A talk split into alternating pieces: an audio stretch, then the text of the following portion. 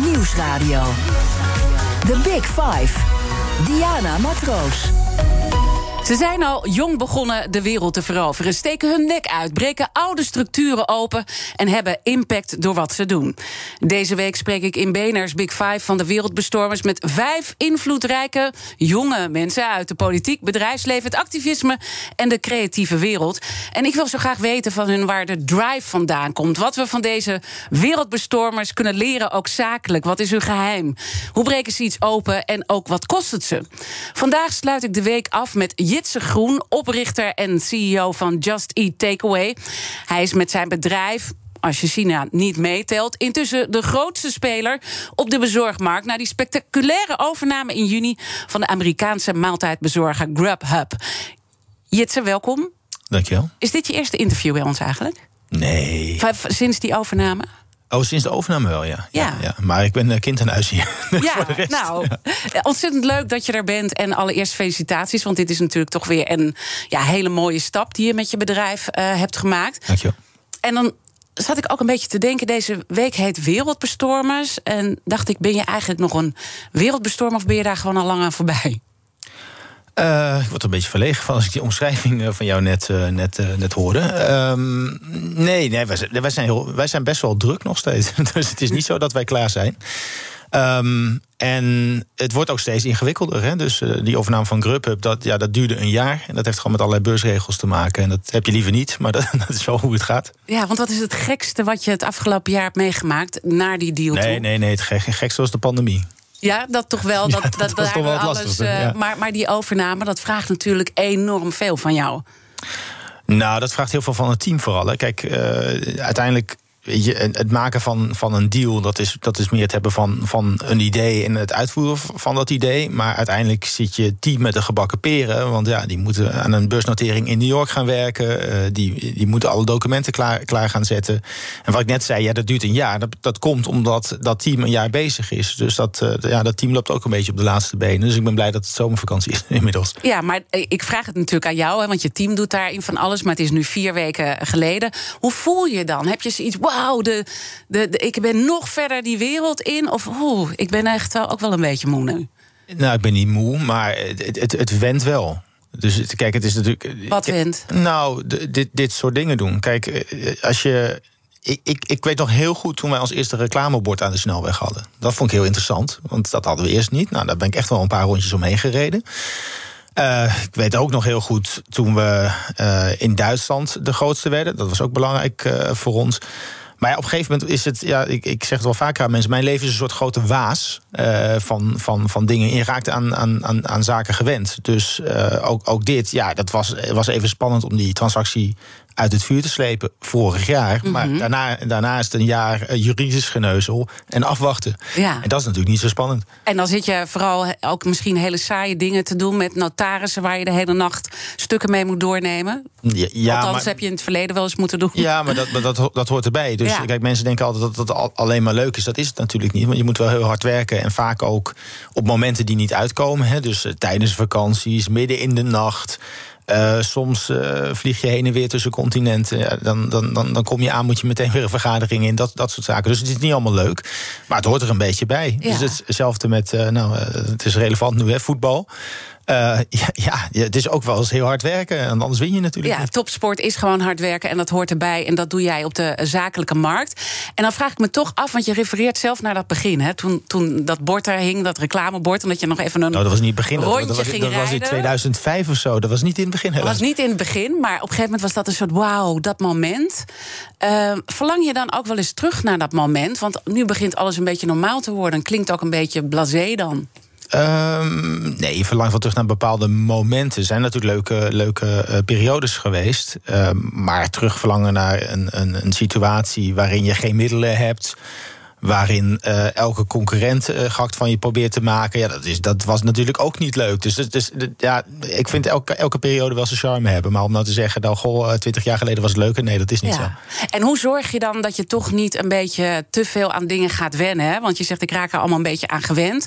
Hoe zorg je dat je niet eh blasé wordt dan in jouw hele ervaren van die tour waar je in zit? Nou, ik heb dat ook wel vaker gezegd. Kijk, mijn, mijn, ehm, mijn eigen situatie verandert en de situatie van het bedrijf verandert. Dus ik denk dat het goed is dat je aan die dingen wendt. Want daardoor ga je weer harder lopen en ga je weer andere dingen belangrijk, uh, belangrijk vinden. Kijk, Um, als, je, als je een klein bedrijf bent, dan ben je toch best wel veel bezig met randverschijnselen. En, en tegenwoordig heb je bijvoorbeeld een juridische afdeling die heel erg hard werkt om een transactie voor elkaar te krijgen. Maar vroeger was jij de juridische afdeling.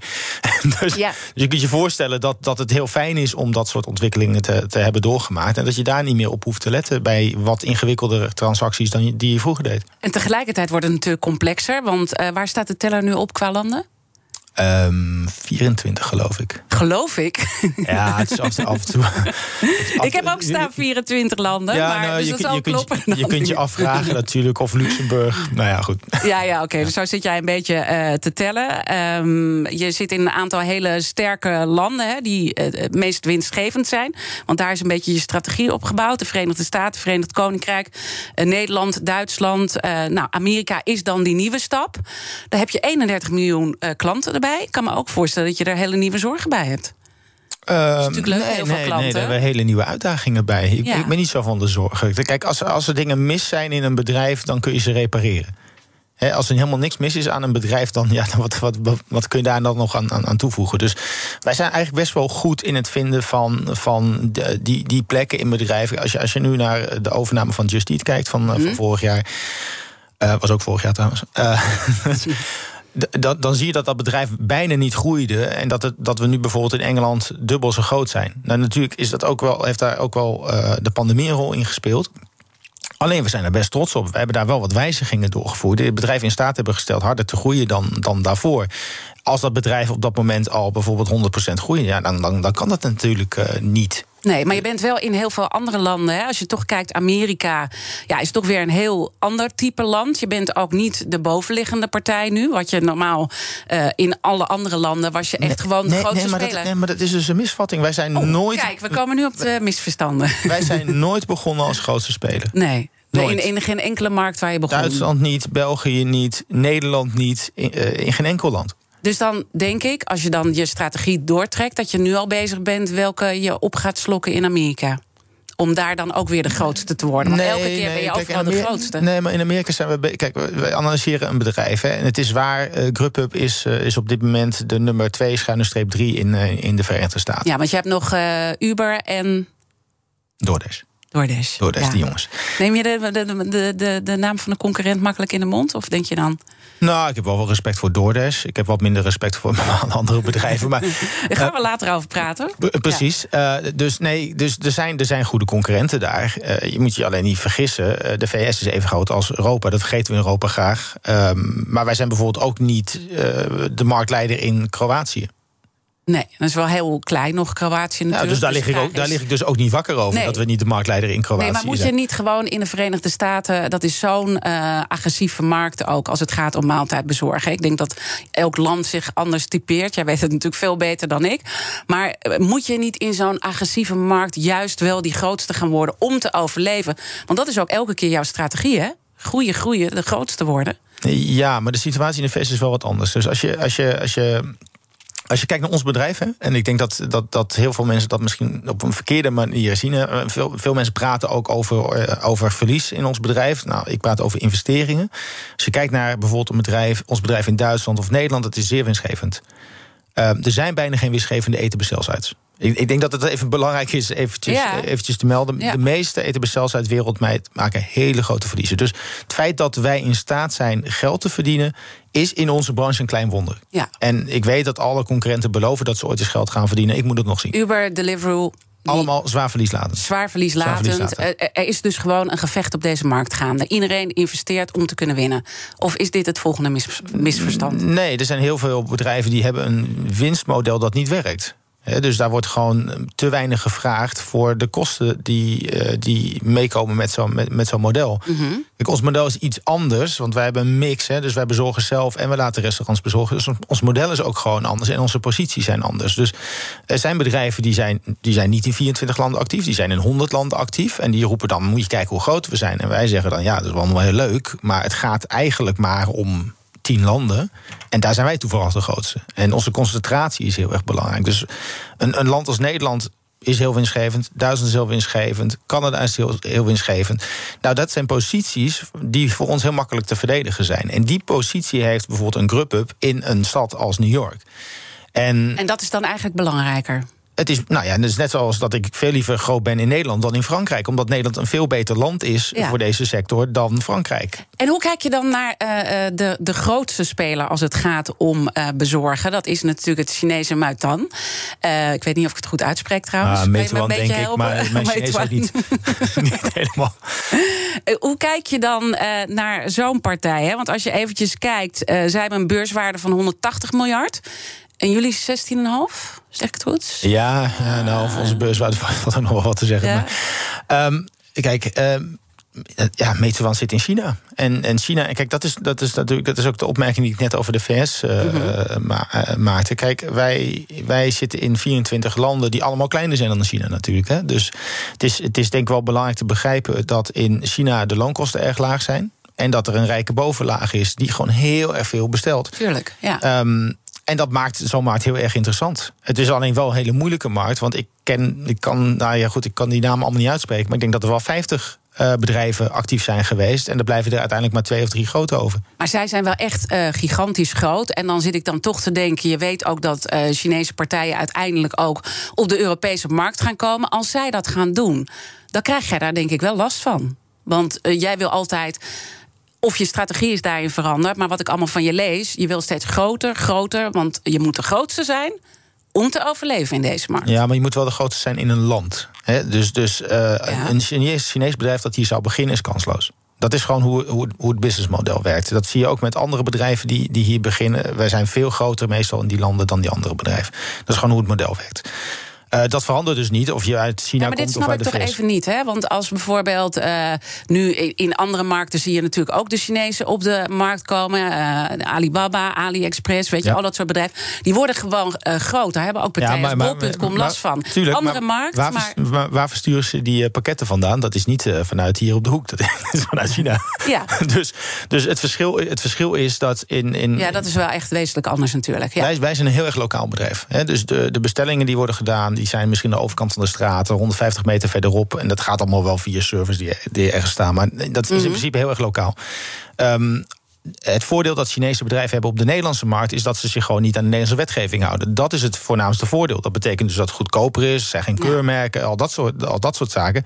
Heb ik mijn persoonlijke mening over dat de overheid daar wat aan zou moeten doen. Maar dat is de reden dat mensen daar, daar, daar, daar kopen. Ja, en dan snap ik dat je dat zegt vanuit het businessmodel wat je nu hebt. Hè? Dat dat ja. echt wel twee verschillende markten zijn. Maar je ziet ook partijen, want iedereen is nu uh, de last mile, daar gaat het over. Van wie bij de voordeur uh, komt. Het gaat allemaal over bezorgen. Ik had laatst ook Michiel Witteveen, uh, van, die onder andere de blokker heeft. Die is ook helemaal die markt aan het bestormen. Dus iedereen doet dat nu. Dat is nu de, de race die gaande is. En je ziet ook maaltijdbezorgers die natuurlijk ook andere entiteiten gaan uh, toevoegen. Ook bijvoorbeeld uh, boodschappen bezorgen. Dus dat gaat natuurlijk wel steeds meer vermengen met elkaar. Het gaat wel meer vermengen, maar je moet wel kritisch naar dat businessmodel kijken. Mm -hmm. um, uiteindelijk zijn heel veel van deze spelers die verliezen ongeveer 60 euro per bestelling. Zo'n bestelling is 10 euro. dus ja, ja. als je 60 euro per bestelling verliest, dan verlies je dus eigenlijk 70 euro op zo'n bestellingen. Um, ja, dat is dus gewoon niet rendabel. Dus heel veel van wat je ziet gebeuren is een soort van landjepik, maar het is wel heel erg dure landjepik. En de vraag is dus ook of dit überhaupt wel een markt is. Natuurlijk in een pandemie waar mensen hun huis niet uitkomen, ja, is, is het handig. Uh, maar als je kijkt ook naar uh, wat is nou de aard van dit product. Dit zijn mensen die liggen op de bank en die hebben een flesje bier nodig. Mm -hmm. Dat is eigenlijk de use case van, van wat hier gebeurt. Nou, wil je echt beweren dat jij in die situatie vroeger naar de supermarkt was gegaan? Nee. Nee, dus dit is een niet bestaande markt die heel erg kostbaar is per bestelling, waar ook nog eens heel veel kortingsbonnen worden uitgedeeld. Dus en, je kunt je afvragen of het echt de markt is. Ja, en hoe denk jij dan dat die markt uiteindelijk uh, uh, zich gaat ontwikkelen? Want we zien, het is een vechtmarkt, dat, dat, dat, ja. dat beaam je.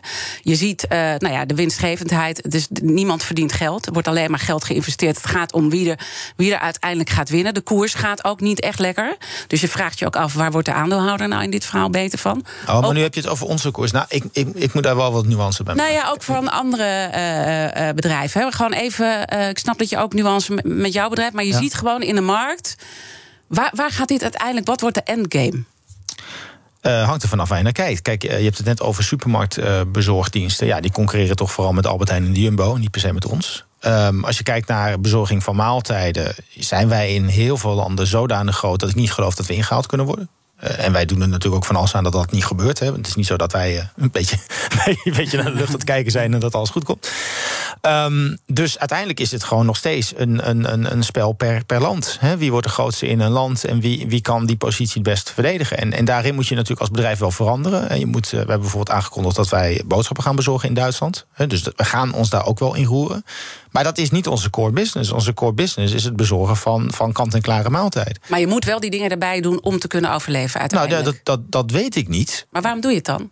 Uh, omdat, uh, nou ja, wij zijn heel erg van, van het bouwen van een heel groot kasteel met een hele dikke slotgracht eromheen. Dus ik ga geen risico's lopen dat. dat, dat kijk, we hebben het net gehad over die, dat, dat verlies op die, op die boodschappen. -hmm. Dat zouden wij nooit doen. Want wij vinden dat uh, onzinnig om 60 euro op een bestelling te verliezen. Een paar euro op een bestelling verliezen, dat willen, dat willen we nog dus wel. Je test een beetje uit. je wil geen risico nemen, dat wil je afdekken. Ja, nou, dat is dus het aardige uit. aan het hebben van een grote onderneming. Een beetje uittesten betekent wel meteen dat je een paar miljoen bestellingen verwerkt. The Big Five. Diana Matroos.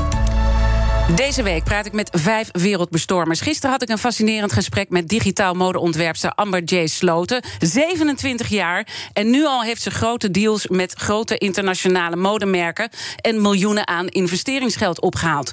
Mijn gast vandaag is Jitse Groen, CEO van Just Eat Takeaway. Het moederbedrijf van thuisbezorgd.nl. Hoe kijk je eigenlijk naar die uh, jonge generatie? Zo iemand zoals Amber J. Sloten. Ik denk niet dat je hebt kunnen luisteren trouwens, want je zal druk zijn geweest. Maar gewoon zo iemand die zo jong al helemaal in die nieuwe wereld mega groot aan het worden is? Nou, ik kan het alleen maar toejuichen. Ik denk, ik denk dat er uh, in Nederland heel veel interessante nieuwe bedrijven aan het ontstaan zijn. Mm -hmm. Dat gebeurt ook een beetje in het kielzog van de, van de grote jongens, hè, de Bookings, de Adjens, et, et cetera.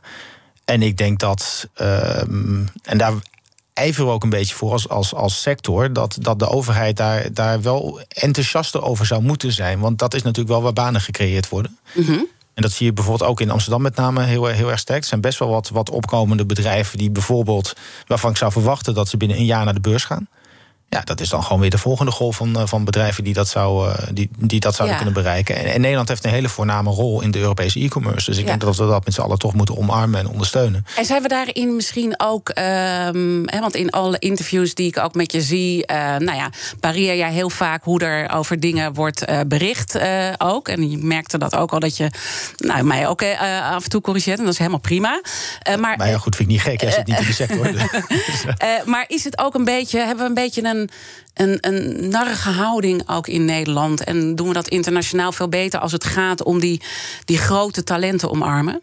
Nee, ik geloof het niet. Ik denk dat er in Nederland over het algemeen, dat zie ik zelf ook, er is heel veel uh, respect en bewondering voor ondernemers in, in zijn algemeenheid in, mm -hmm. uh, in Nederland. Ik denk niet dat daar, dat daar een soort, uh, soort in zit in, in de maatschappelijke discussie.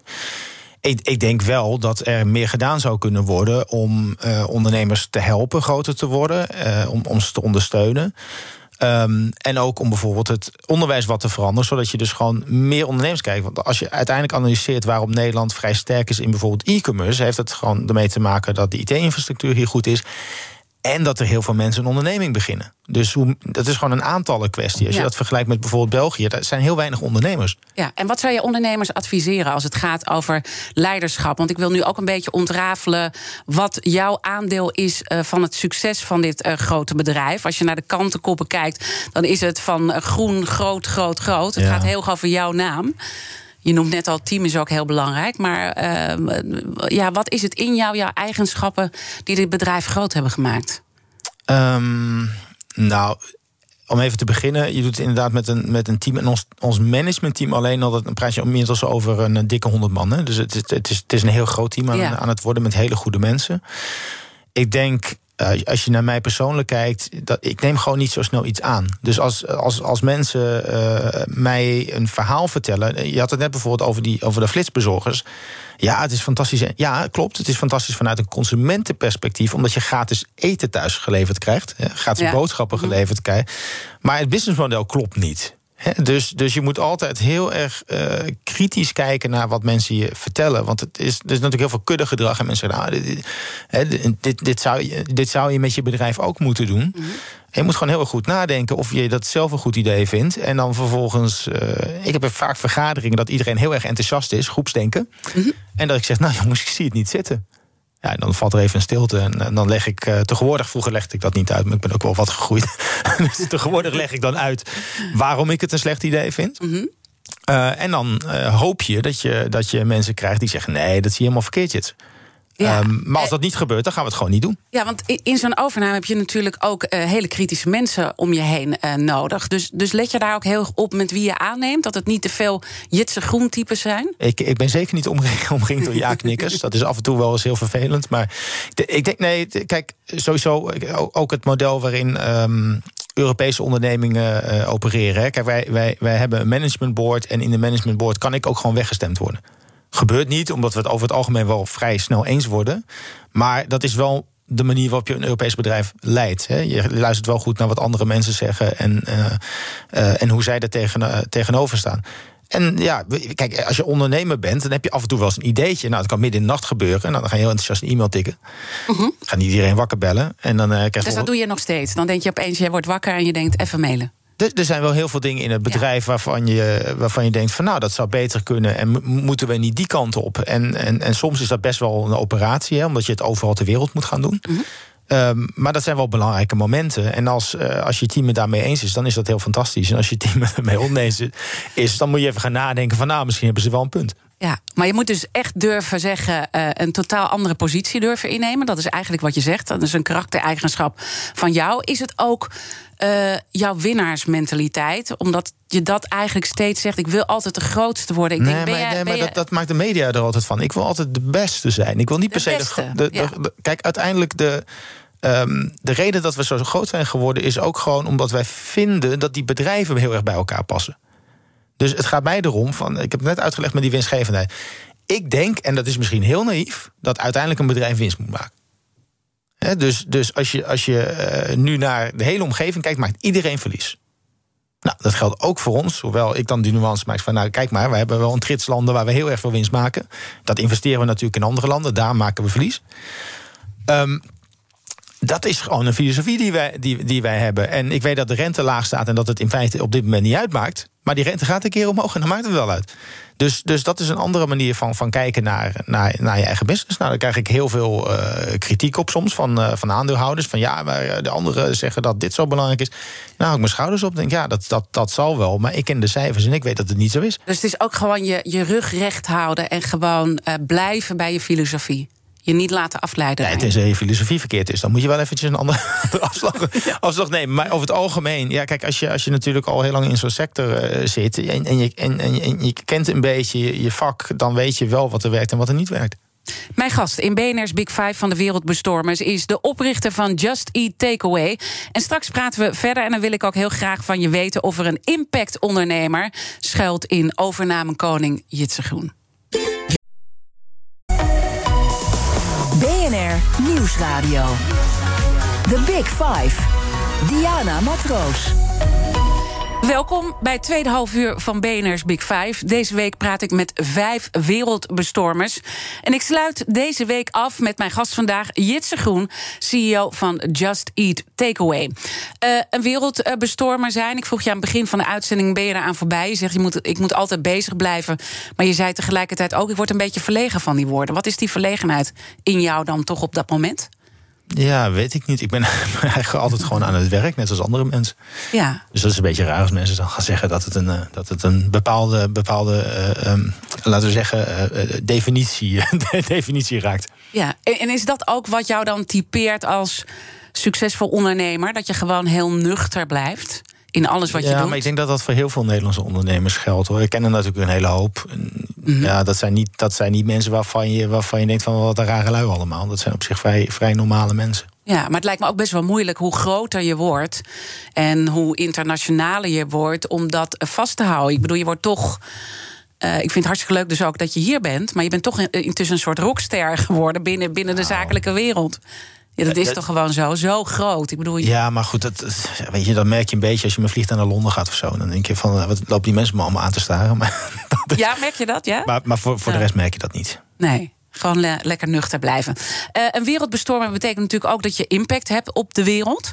En in februari schreef je een ingezonden brief aan de Financial Times over de zogenaamde gig economy. De mensen die voor platforms werken, dus de ZZP'ers, een hele discussie uh, daaronder. Waarom dacht je, ik moet dit gewoon uh, nu schrijven? Nou, omdat je toch merkt dat met name Anglo-Saxische bedrijven die hetzelfde doen als wij die zijn toch wel erg goed in het bespelen van ehm, de media, maar ook in het bespelen van, uh, van politici. Mhm. En af en toe zie je daar gewoon hele rare dingen gebeuren. Hè. Uh, kijk, het, het, algemene lijn van dit soort bedrijven is: ja, maar de bezorgers willen flexibiliteit. Ja, dat vul ik dan altijd aan. Dus hoef jij als grote international geen belasting te betalen en geen verzekering voor die bezorgers te regelen. Uh, dat is natuurlijk een hele rare, ja, ja, een soort framing die daar gebeurt. En ik vind dat dat. Um, en dat is misschien ook omdat wij een Nederlands, of nou, dat noem je Rijnlands, geloof ik, bedrijf, bedrijf zijn. Is een, een hele rare zaak. Je bent, je bent veel geld waard als, als beursgenoteerde onderneming. Dus je moet gewoon goed voor je mensen zorgen. En ik denk dat uh, het feit dat de overheid er te weinig aan, aan doet, uh, niet afdoet aan hoe verschrikkelijk het is om op deze manier te opereren. Want als je, als je gewoon goed oplet uh, op de. wat veroorzaakt dit allemaal? Nou ja, de, wij hebben bijvoorbeeld e-bikes waar mensen op zitten die gewoon in loning zijn. Onze concurrenten hebben allemaal scooters. Nou, die rijden allemaal rood. Er is geen training bij, uh, zijn, zijn vervuilend. Uh, waarom is dat? Omdat dit allemaal freelancers zijn die hebben toevallig een scooter. Dus nou veroorzaakt uh, verkeersongelukken. Uh, dus het gaat eigenlijk veel verder. Uh, uh, als je dus kijkt naar hoe deze bedrijven met mensen omgaan.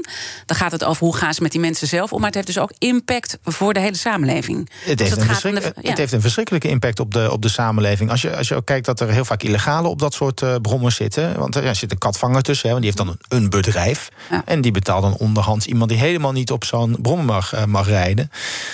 betaalt ook weer geld. En dat, dat, dat, dat betekent dus dat uiteindelijk daar mensen voor een paar euro in het uur. Ja. Op, op een brommer door een drukke binnenstad aan, aan het crossen zijn. En dat is natuurlijk sowieso heel slecht voor de maatschappij. En heeft zo'n brief dan effect? Zo'n zo'n ingezonden brief? Um, in de Financial Times. Ja, want ik, het levert wel een tegengeluid op. Kijk, uh, als je, als je, er wordt heel veel. Wij lobbyen eigenlijk heel weinig als bedrijf. Ik vind dat, ja, dat moeten we misschien meer doen, maar dat, dat doen we eigenlijk niet zoveel. Maar je ziet toch dat bijvoorbeeld een Europese commissie die brief leest en denkt van hé, hey, dat is een heel ander verhaal uh, van een heel groot bedrijf. Uh, waarin kennelijk flexibiliteit samengaat met secundaire arbeidsvoorwaarden. Ja. Ja. dus, dus, dus, en er gebeurt natuurlijk ook wel wat. Hè. Steeds meer landen krijgen ook wetgeving waarbij die eh, ZZP'ers ook beschermd ja, nou, worden. maar dat is een aanfluiting. Kijk, dit, deze ja. bedrijven zijn al vijf jaar actief uh, in heel veel landen. Uh, wordt geen belasting afgedragen. Dus die, bedrijven, die bedrijven dragen helemaal niks bij. Helemaal nul. Uh, niemand is verzekerd. Er vallen doden.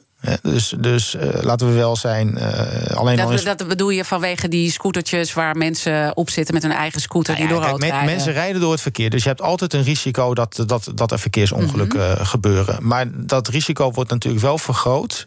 doordat dit mensen zijn die eigenlijk geen binding met een bedrijf hebben. Omdat ze als zogenaamde freelancers zijn. dus het is weinig training. Um, en, het, en het resultaat is natuurlijk ook dat als er een ongeluk gebeurt. Mhm. dat er niemand verzekerd is. Dus eh, de, degene die aangereden wordt, is niet verzekerd. En degene die op die scooter zit, is niet verzekerd. Ja, dus er, er zijn allemaal misstanden. Die, die kaart jij dan ook uh, aan. Nou weten we ook dat we een rechtszaak hebben gehad van FNV tegen Deliveroo. En FNV heeft die gewonnen. Maar ja, nog niet echt iets veranderd, toch? Ja, maar dat is dus ook zo schandalig. Uh, dit soort bedrijven verliezen rechtszaken en doen net alsof ze de rechtszaken niet verloren hebben. En dat is natuurlijk een hele rare situatie.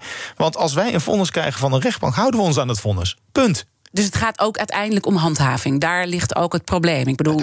handhaving. Uh, ik heb jaren geleden al eens met ministers hierover gesproken. Zeggen ja, het is schandalig. Maar ja, andere prioriteiten. Ja, ja. Dus dat lijkt me heel frustrerend, want uiteindelijk moet jij meer kosten maken. En ik denk ook uh, dat, dat misschien zijn er ook, hè, want er zijn ook uh, nou ja, een hoop uh, frames die jij zelf ook eerder al beschreven heeft, ook richting jouw bedrijf. Ja, dat doet hij natuurlijk om gewoon die concurrenten een beetje zwart te maken. Maar dit is echt iets wat heel erg in de kern van jouw bedrijf zit. Hè. Dit heb je altijd al nou ja, kijk, ik, ga, ik, ga, ik, ga, ik, ga, niet zeggen dat we er geen nadeel door ondervinden. Want we betalen gewoon 30, 50 procent meer voor een bezorger. Ja. Dat, is gewoon, dat is gewoon plat gezegd uh, hoe, hoe, het is. Maar we krijgen er ook veel voor terug. Hè? Want we, krijgen natuurlijk, we hebben veel meer binding. We hebben altijd hubs in steden waar mensen gewoon een kopje koffie komen drinken, et cetera. Dus we hebben gewoon over het algemeen goede relaties met, uh, met, onze, met mhm. onze bezorgers. Dus dat, dat krijgen we ervoor terug. Um, alleen wij gaan wel wat verder met, met ons bedrijf in maatschappelijke verantwoordelijkheid. Of dat nou uh, om verpakking gaat, of dat om uh, het goed behandelen van ons personeel gaat. Uh, nou, we hebben bijvoorbeeld met, met onze EK-sponsoring, met de UEFA Foundation heel veel, heel veel goed werk gedaan. Ik vind wel dat wij in een positie zijn om ook dingen goed te doen. Ja. Dus wij hoeven niet per se. Kijk, natuurlijk is het goedkoper voor ons om met freelancers te werken. Dat, uh, dat, wie willen nou belasting betalen uiteindelijk? Mhm.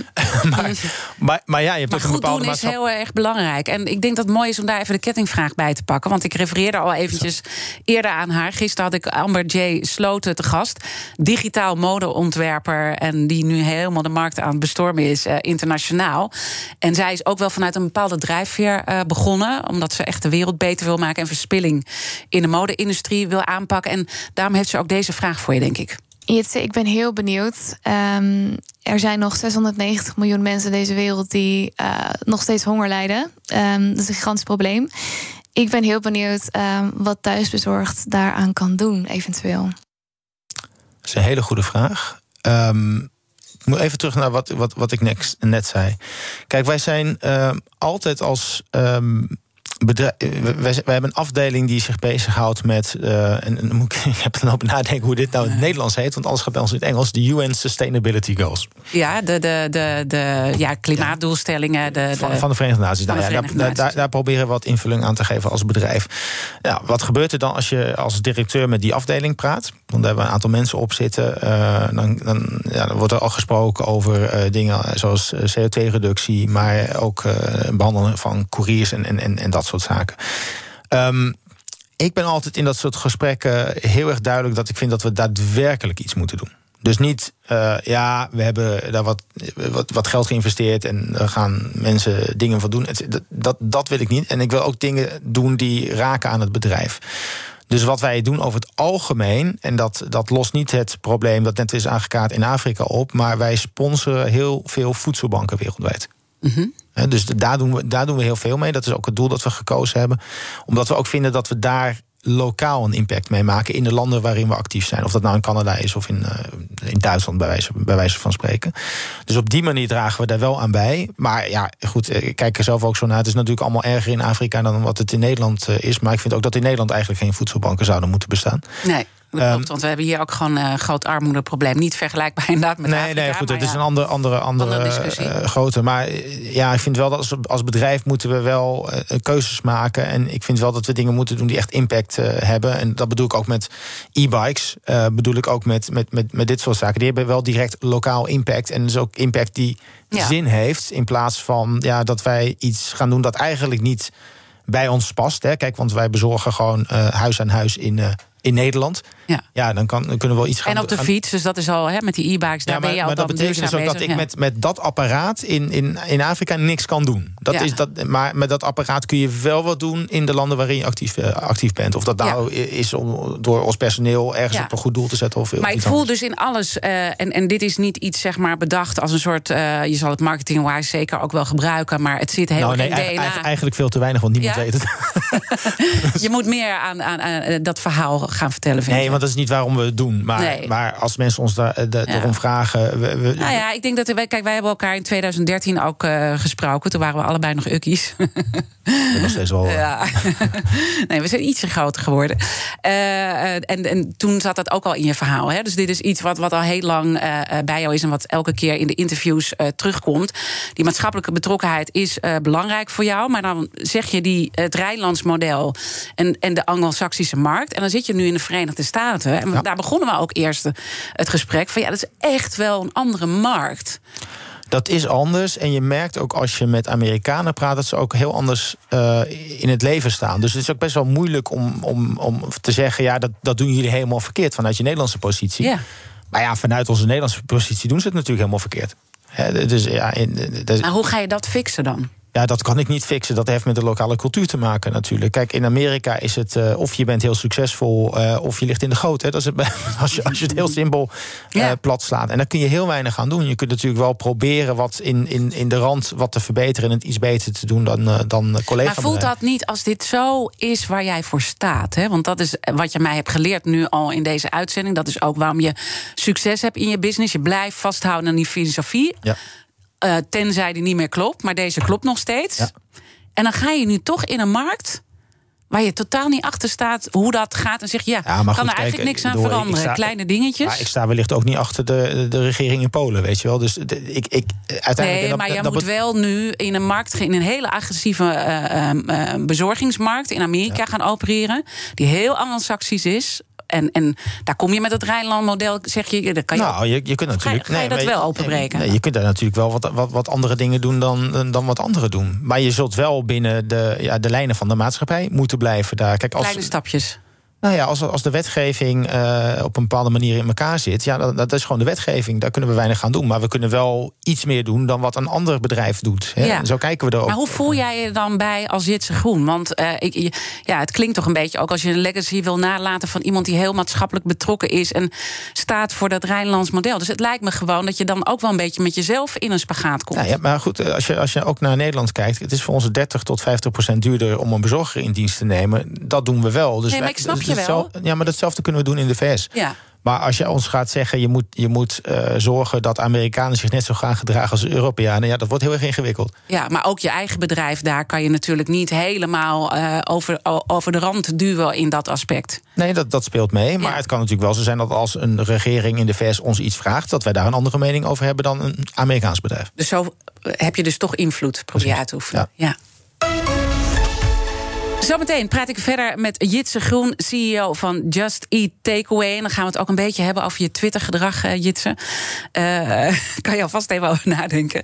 Uh, maar eerst naar Nina van der Dungen, want je hebt straks BNR breekt. Waar ga je het over hebben? Ja, nou ja, we wachten natuurlijk nog steeds op het OMT-advies. Komt er een persco ja. vanavond? Welke versoepelingen worden er dan teruggedraaid? Maar dat dat lijkt te gebeuren, daar zijn veel mensen toch wel redelijk van overtuigd. Want ja, een feit is de explosieve stijging van het aantal besmettingen, vooral onder jongeren.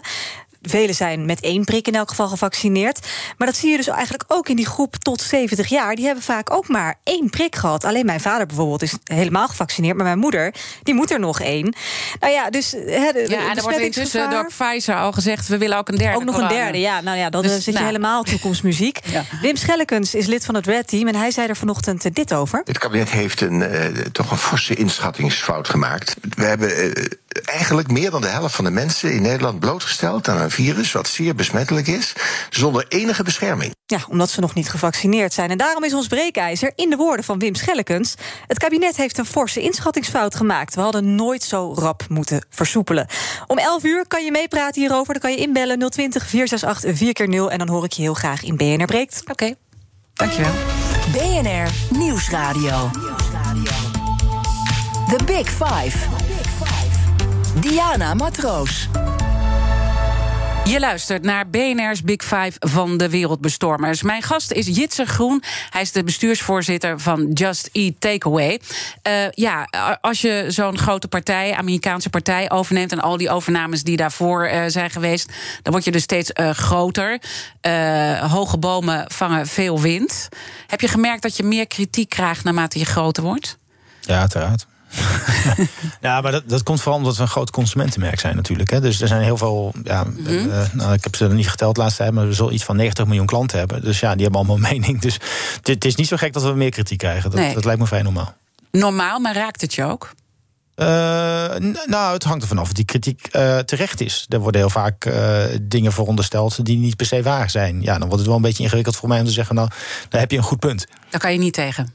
Um, nou, ik vind het. Maar dat geldt, geldt denk ik ook. Ik bedoel, het maakt niet zoveel uit of ik dat nou ben of iemand anders. Er, er wordt heel vaak te weinig ingelezen in wat een probleem is. En mensen hebben veel vaak een mening over iets waar ze geen verstand van hebben. He, dus je kunt de mening hebben over, over ons, ons bedrijf. we hadden het net over bezorgers.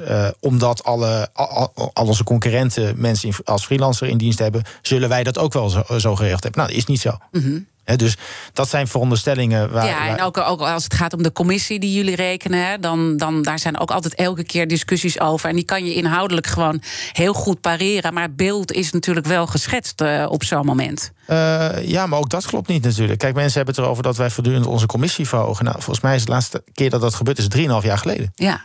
Dus, dus de, eh, maar ja, het is lastig om in, in, in de huidige tijd daar iets aan te doen. Want wij worden ook vaak gebeld. Dan wordt dit verhaal weer opgerakeld. En dan zegt een restauranthouder: ja, maar het tarief gaat elk jaar omhoog. Wat dus niet zo is.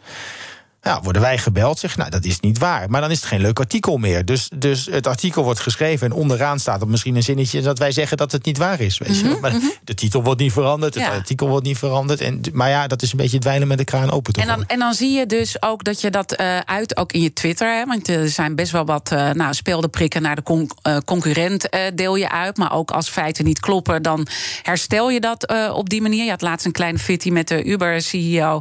en commentaar op heel onschuldige uitwisseling van. Uh, nou ja, de vraag is of het. Uh, het was ook commentaar op beursanalisten. En dan is er weer één uh, analist. Nou, die, die, wordt dan geïnterviewd bij Quote. Hè, en die zegt dan. Ja, eigenlijk moet je daarmee oppassen om commentaar te hebben op beursanalisten.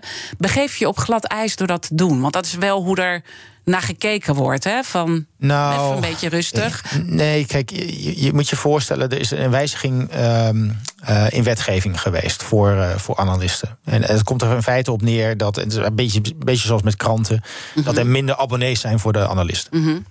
En dat betekent dus ook dat ze minder tijd hebben om naar bedrijven te kijken en dus vaak dingen opschrijven die niet kloppen.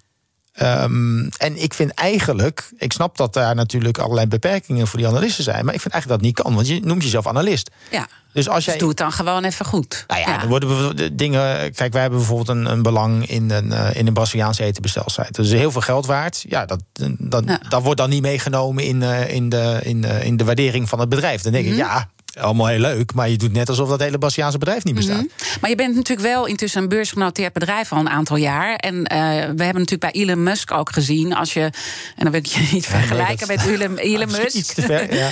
ja, nee, maar, maar het, het kan gewoon heel gevaarlijk zijn uh, door uh, zo de discussie aan te gaan hè, op die manier. Dat, dat, dat, dat is gewoon, dat begeef je op glad ijs. Je doet het wel. Dus hoe maak je dan die afweging? Nou, maar ik denk dat er veel meer CEO's zich zouden moeten mengen in dit soort eh, debatten. Ja, waarom? dat hoeft niet per se op dezelfde manier eh, te zijn. Nou, omdat heel veel CEO's niks zeggen. Die zijn gewoon totaal onzichtbaar. En die, die leiden ondertussen wel een heel groot bedrijf. Kijk, ik vind niet dat ik mij zou moeten gaan verstoppen uh, als, als mensen kritiek op ons hebben. En, en sommige kritiek is terecht en dat moeten we ons aantrekken. Maar er zijn ook heel veel dingen. Dan zeg ik, ja jongens, maar dat klopt gewoon niet. En, en voordat je. Kijk, wij hebben op een gegeven moment, uh, volgens mij ging dat ook over commissies of iets dergelijks. stond de meest grote nonsens in de, in de Nederlandse pers over, uh, over onze commissies. Gewoon onzin. -hmm. Nou, en dat, nou, dan denken we nog van: oké, okay, nou ja, daar kunnen we niks aan doen, want we hebben toch allemaal gekopieerd, allemaal prima. Uh, maar vervolgens komen de Kamervragen. Nou, toen dachten we, wat krijgen we nou? Ja, ja dat wel heel ver. ja, nee, maar ja. Want, want ook, om, en dan zie je dus dat de media uh, niet naar de feiten kijkt. Dan zie je dat de Kamerleden niet naar de feiten krijgen. Dan ga je vervolgens, nou, wat was onze oplossing? Wij gingen Kamerleden uitnodigen. Kom maar eens kijken hoe het is. Mm -hmm. Nou, dat, was een commissie van tien man. Nou, dan komen er twee. Ja. Dat is, dat is gewoon de realiteit. Ja, ja. Dus, dus, dus als je zegt, ja, moet je daar wat van dat vinden? Is geen, en ik snap, dat is dan geen eerlijk speelveld. Aan de andere kant denk je, je bent zo groot. When they go low, you go high. Um, ja, nee, dat, ik snap. Michelle Obama. Ik, nee, maar ik, ik snap dat wel. Maar ook Michelle Obama uh, pareert kritiek die onjuist is. Ja. Dus ja, je, je, kunt wel zeggen, nou ja, weet je, als iedereen maar onzin over, over het bedrijf vertelt, laat het maar zitten. Ja, ik vind, ik vind dat dat niet deugt. Want kan het uiteindelijk heel schadelijk zijn, ook voor je businessmodel, waarvan je zegt, ik moet me wel degelijk als CEO uitspreken? Nou, ik denk dat wij gewoon een rol hebben. Kijk, je bent CEO eh, gemaakt van een grote onderneming. Je hebt een bepaalde rol in de maatschappij. En ik vind ook dat je, dat je op het moment dat er onwaarheden worden verteld, dat je daar wat over zou moeten zeggen. En ik vind dat ook als, uh, nou ja, als jij mij vragen stelt, dat ik daar gewoon keurig op moet antwoorden. Ja, maar gebruik je het ook om toch een bepaalde manier van lobbybedrijven te doen? Dat je op die manier nou, laat zien, net zoals met, met, met de. Net te, weinig, net te weinig volgers. Ja, net te, ja. moet je toch uh, wat, wat, wat afsnoepen van Elon Musk? Ja, maar goed, daar, daar, valt weer wat, wat anders op aan te merken. Ja, zeker, zeker. Nou ja, ik bedoel, je, je bent steeds groter uh, aan het worden. Wat, wat, wat vind jij nu zelf nog het spannendste van waar je nu uh, staat en waar je heen wil? Um, nou, ik denk dat wij. wij Kijk, dus de, de, de toekomst voor, voor, voor, voor deze branche is, is wat ongewis. Hè. Er wordt heel veel geld gepompt nu in dingen die volgens ons niet werken. Eh, bijvoorbeeld de, de, de drones waarmee jouw uh, grote Chinese concurrent nu bezig is. Daar geloof je niet in. Uh, Bijvoorbeeld. Nee, kijk, want drones. Het is heel leuk. Voor, als je een keertje op het platteland iets wil bezorgen, dan werkt dat prima. Maar ja, probeer het maar in de binnenstad van Amsterdam. Bedoel, ja. Dus sowieso de kans dat een Amsterdamse burgemeester gaat zeggen: Oh, goed idee. Allemaal drones door de stad. die, die lijkt me niet zo heel groot. Dus dat zijn, dat zijn meer PR-dingen vaak. Mm -hmm. uh, autonome bezorging uh, zijn we wel mee bezig. Karretjes bijvoorbeeld op Amerikaanse universiteiten. Dat zijn dingen die we, die, die we doen. Maar ja, dat werkt ook omdat het Amerikaanse universiteiten zijn. Grote terreinen, mm -hmm. aparte banen, et cetera. Ja, dan kun je dat doen. Ja, dus er gebeuren heel veel dingetjes. Nou ja, dat, dat is allemaal leuk en dat is soms ook PR. Maar wat, wat, wat vind jij dan nu het, het meest ingewikkelde, spannende waar je in zit? Nou, ik ben niet zo van het ingewikkelde. Ik nee, ben, is dat nee, gewoon wat, wat, wat, wat... zeg ik ook aan ons team. Uh, heel vaak komt, komt een team met een probleem. Ik zeg, jongens, ik wil oplossingen. Ik wil geen problemen. Ik heb genoeg problemen. Ja, en hoe groter je wordt, dat, dat blijf je gewoon... Uh, nou, je, je, nee, je probeert, je probeert uh, de teams uit te leggen dat ze zelf de problemen moeten oplossen. Want het zijn vaak dingen. Dus ik denk, ja, bel dan uh, Pietje en, ja. en ga het oplossen. Ja, maar vind je dan niks moeilijk? Ik vind niet per se dingen moeilijk. Maar ja, we zijn ook maar een simpele eten bestelsuit. Kijk, als je raketten de ruimte in is het wat ingewikkelder. Maar. Nee, maar het kan, het kan ook over andere dingen gaan. Weet je, van hoe inspireer je mensen. Het kan in heel veel. Nee, ja, of, of ben je echt zo'n mega zondagskind die echt nergens last van heeft? Ik ben niet zo snel. Nee, ik denk niet zo snel dat dingen niet op te lossen zijn. Maar ik denk dat dat voor heel veel ondernemers geldt. En kijk, je hebt, je hebt genoeg mensen, dat zei ik net ook, je hebt genoeg mensen die, die, die zien vooral problemen. En als je vooral problemen ziet, ja, natuurlijk gaat het dan uiteindelijk niet goed. dus, en, en uiteindelijk is het dus ondernemen gewoon het oplossen van die problemen. Dus dat, dat is eigenlijk, als je kijkt naar de kern van jouw succes dan is het uh, durven bij je filosofie te blijven. Ook gewoon een andere positie in te nemen. Gewoon je mening van ik geloof hier niet in. Ja. Um, nuchter hoor ik eigenlijk ook wel. Ja, maar kijk, een succesvol ondernemen is een hele lange rij van goede beslissingen. En er zal ook wel eens een keertje een slechte tussen uh, gezeten hebben, maar die heb ik al lang vergeten. Ja. En dan gewoon, dit gaat gewoon achter je en klaar. Ja, je moet gewoon op een gegeven moment. Je krijgt, je krijgt het ondernemen. En dat is natuurlijk het beetje punt met ondernemen. Het is je eigen onderneming. Je kunt alles doen wat je wil. Je kunt eh, planten gaan bezorgen. Noem maar wat. Kan. Mm -hmm. Heel dom idee. maar het kan. Maar het kan. Dus ja, dat, dat zeg je, nou, dat ga ik niet doen. Um, en als je dat maar ja, stug volhoudt, dan kom je nog wel eens ergens, denk ik. Ja, en als je dan uh, zo'n uh, belangrijke overname doet, dan zal er vast nog wel een, eentje komen, denk ik. Wellicht, ja. Ja, want dat, dat is jouw strategie. Nee, is geen strat nee, dat is, dat is, nee, je wil de beste worden. Je wil nee, de beste maar worden. Onze strategie is eigenlijk gewoon autonome groei. Ja. Alleen soms gebeuren dit. Komt, komt er iets langs. Neem, neem Just Eat in, uh, in, in, in Engeland. Ja, het is een bedrijf dat autonoom groeide, maar niet snel genoeg. En nu groeit het snel. Dus, dus, ja. dus het is weer autonome groei. Dus het komt op je pad en dan is het gewoon herkennen van dit, dit is een goed moment nu om deze deal. Goed moment, goed bedrijf. Goed bedrijf. Uh, dat moet kloppen, maar je moet er ook nog iets beters van kunnen maken uiteindelijk. Ja. Uh, en dan ga je dus zo'n deal in. en dat is natuurlijk ook uh, leiderschap, het, het hele onderhandelingsaspect. Hoe lukt het jou om dan daar de beste deal te doen? Ontregel je mensen? Nee. Ga je in gesprek? Je, nee, je legt uit wat je van plan bent. Uh, dus uh, kijk, uh, puur en alleen met geld kom je er vaak niet. Um, mensen zijn wel helaas heel erg ingesteld op geld. Dus het is wel mm -hmm. vaak dat mensen zeggen: Nou, ik verkoop wel aan de hoogste, hoogste bieder. als je kijkt naar bijvoorbeeld het Duitse bedrijf Lieferando, dat we gekocht hebben in 2014, daar hebben wij gewoon een verhaal verteld. We hebben gezegd: Jongens, waren meerdere biedingen. Ik zeg, ja, je kunt met andere biedingen in zee gaan. Dan, dan heeft op dit moment het beste resultaat misschien voor je bedrijf. Maar moet je kijken over twee jaar hoe, hoe we ervoor zouden kunnen staan als gezamenlijke onderneming. Nou, dat hebben ze geloofd. En dat is nog steeds de beste deal ooit uh, wereldwijd gemaakt in de sector. Dus eigenlijk dat gesprek hebben, dat, dat is een heel belangrijke kern ook voor een goede samengroei. Dat, dat, dat, is zo. Hetzelfde met ons Poolse bedrijf. Was ook, dat was een bedrijfje dat deed, nou, wat was het? 20, 30.000 bestellingen in de maand. Dat doet nu miljoenen bestellingen in de maand. gewoon, en dat kan ik allemaal terugleiden tot één gesprek. Mooi. Dankjewel dat je mijn gast wilde zijn vandaag, Jitse Groen.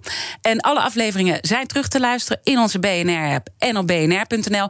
Maar ga nu vooral luisteren naar Nina van den Dungen met BNR Breekt. Mooi weekend. Bij BNR ben je altijd als eerste op de hoogte van het laatste nieuws. Luister dagelijks live via internet. Jelle Maasbach. Wesley Weert. We zijn er voor je met het leukste, opvallendste, maar natuurlijk ook het belangrijkste nieuws. Tijdens de presentatie van die halfjaarcijfers toen die beurskoers in elkaar kukkelde. BNR Beurs. Voor de slimme belegger. Blijf scherp en mis niets.